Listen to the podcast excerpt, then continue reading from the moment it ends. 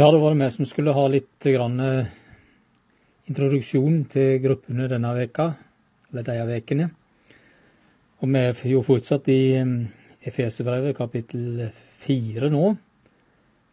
De tre første kapitlene var jo i Kristus, og snakka veldig mye om det som vi har i Han, og det som Han har gjort. Så kommer nå de tre siste kapitlene med for Kristus, og snakker mer om det med å leve, og det med å være en del av det med å leve kristenlivet. Og jeg må bare være så ærlig og si at jeg syns det er skikkelig utfordrende. Og jeg kjente på det òg når jeg preka om søndagen, at her er det mye som ikke jeg helt har, uh, har greie på, og ikke helt forstår. Samtidig så er det um, ord til oss som jeg tror er viktige. Jeg tror det er viktig at han er så pedagogisk, Paulus, at han rett og slett eh, har de tre første kapitlene som et eh, grunnlag, noe som ligger der, som er ikke vi må ta vekk i det hele tatt, men som er noe vi hele tida på en måte må falle tilbake på.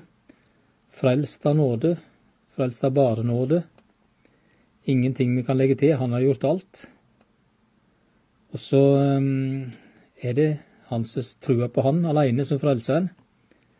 Det er der vi har syndenes tilgivelse, og vi kan i grunnen ikke legge verken noe til eller trekke noe fra. Der må grunnlaget vårt ligge, enten vi um, er sånn eller sånn. Men så kommer det her um, orda nå videre i de neste kapitlene med, med utfordrende til oss. Det er altså noe som, som skjer med det å mm, leve et liv sammen med Jesus. Vi skal ikke lenger være som umyndige småbarn, som det ble snakka om i siste avsnitt. Vi skal vekse opp til Han som er hodet. Og øh, kanskje du har lest boka 'Det blåser på heia', eller det lille heftet 'En skildring av religiøs bevegelse beveger seg'. Der eh, ser vi det veldig tydelig, og hvilke konsekvenser det får egentlig å følge Jesus. Det var mange mennesker på den tida som hadde en radikal omvendelse. Og det er det heldigvis i dag òg. Det er noen som har en radikal omvendelse, og noen har gått ifra ei mer barnetru til ei mer voksentru. Og noen føler vel at den er kanskje rett og slett underveis. Eh, jeg håper at du har landa ned på at du har Jesus i hjertet. Men eh, i eh, trusveien og livsveien så kan vi kjenne oss litt underveis. Kanskje det kunne være aktuelt å ta en liten runde på det, og hvordan de kan ha forskjellige erfaringer med det å komme til Jesus og ta imot Han. Både de som har en dag de kan kanskje, eller en spesiell episode eller en spesiell situasjon der de kan si ja til Jesus, eller over en tidsperiode, der de kan bli bevisst på den trua de kan hadde. Eller noen som har radikale omvendelser, eller noen som kjenner bare på at de har levd med Jesus bestandig. Det kan være en fin måte å ta en runde på først. Hvis en her ser i, i de versene fra vers 17 i kapittel 4, så begynner han faktisk med at lever ikke lenger slik som hedningene. Det skal altså være en, en forskjell med Jesus' hjerte. Vi skal ikke leve bare etter våre egne lyster, øh, våre egne tanker. Men øh, vi skal leve slik som han ønsker, og det er det han prøver å si oss litt framover. Paulus sier jo at det er ikke slik med oss vi som har gått i lære hos Jesus. Vi har fått opplæring av Han, og fra de sannhetene som er Jesus, som det står om. Eh, kanskje det òg kan være noe å mm, snakke litt om hvordan får vi den opplæringa. Jeg tror det kan være litt forskjellig etter det som vi bruker å si det trosspråket vi har. Noen får den opplæringa gjennom å studere Bibelen, noe som jeg tror vi alle trenger. Noen får det mest gjennom å være i mye bønn. Å be er noe vi alle trenger. Noen får det gjennom eh, lovsang, sang. Ble velsigna og kjenne at en ble oppbygga òg, rett og slett gjennom sang og musikk. Og det tror jeg er flott, ellers hadde vi ikke hatt alle salmene blant annet i Bibelen. Og noen eh, får på forskjellige andre måter. Der er vi forskjellige, og kanskje noen kjenner at en blir oppbygga og opplært òg fra sannhetene på forskjellige måter. Det går an å snakke litt om. Ta en pause og snakke om. Så sto det at en skulle mm, kle oss i det nye mennesket som er skapt i Guds bilde til et liv i sann rettferd og herlighet. Der eh, kan det være utfordrende. Åssen skal vi kle oss i Guds bilde som det nye mennesket?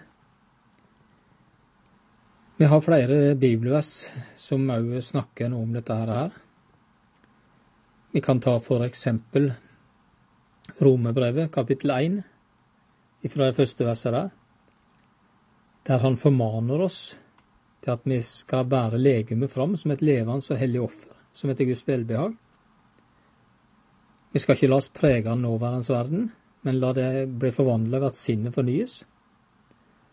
Ja, det er noe der eh, som vi gjerne skal. Vi kjenner det fra andre plasser, Paulus òg. Og jeg nevnte det på søndagen i talen òg, at jeg er så fantastisk glad for at Paulus viser at han ikke er bare en overåndelig som eh, på en måte ikke er menneske, men Paulus er så sant menneske òg i alt det han skriver. Eksempel i Romerbrevet, siste delen av Romerbrevet 7, der han snakker om det han gjør, og det han ikke gjør. Det han ønsker å gjøre, det han På en måte han gjør det han ikke ønsker, og han gjør ikke det han ønsker skikkelig sånn som menneskelige tanker er. Der har vi òg, tror jeg, mange erfaringer at vi har, vi har en god intensjon, men så blir det ikke sånn. Heldigvis òg så fortsatte en Romerbrev 8 med at det ikke er noen fordømmelse for de som er i Jesus Kristus. Eller det går an å slå opp i 1. Johannesbrev, kapittel 2, der han i kapittel 1 har skrevet om hvordan vi skal leve som lyses på en. At det er det ideelle. Det er liksom det optimale. Og så er det ikke alle det funker for det å få det til helt der. Derfor så fortsatte han med at men om noen synder, så har vi en som taler vår sak, Jesus Kristus. Ja, det går da jo an å komme inn på mm, Galaterbrevet der det er snakk om gjerningene som kommer fra kjødet, Galaterbrevet 5. Og der er jo Galaterbrevet 5 snakker om åssen frukter det bør være i livet våre. Åndens frukt, som det snakkes om. Jeg vet ikke hvor du er hen i din vekst, og hvor du er hen i din læringsprosess sammen med Jesus. Jeg håper ikke du fortsatt bare lever på morsmjølk, du som har levd med han lang tid men at du har vekser opp til Han, Han som er hodet. Så tror jeg vi skal ha spennende eh, tider framover òg med hensyn til om vi hører på gudstjenestene og i forkynnelsen, og hvordan vi følger Efeserbrevet framover. Både for å se hva Paulus ønsker å fortelle, og hvordan virkning de kan få i våre liv. Jeg ønsker dere lykke til i alle gruppene. Ha det bra.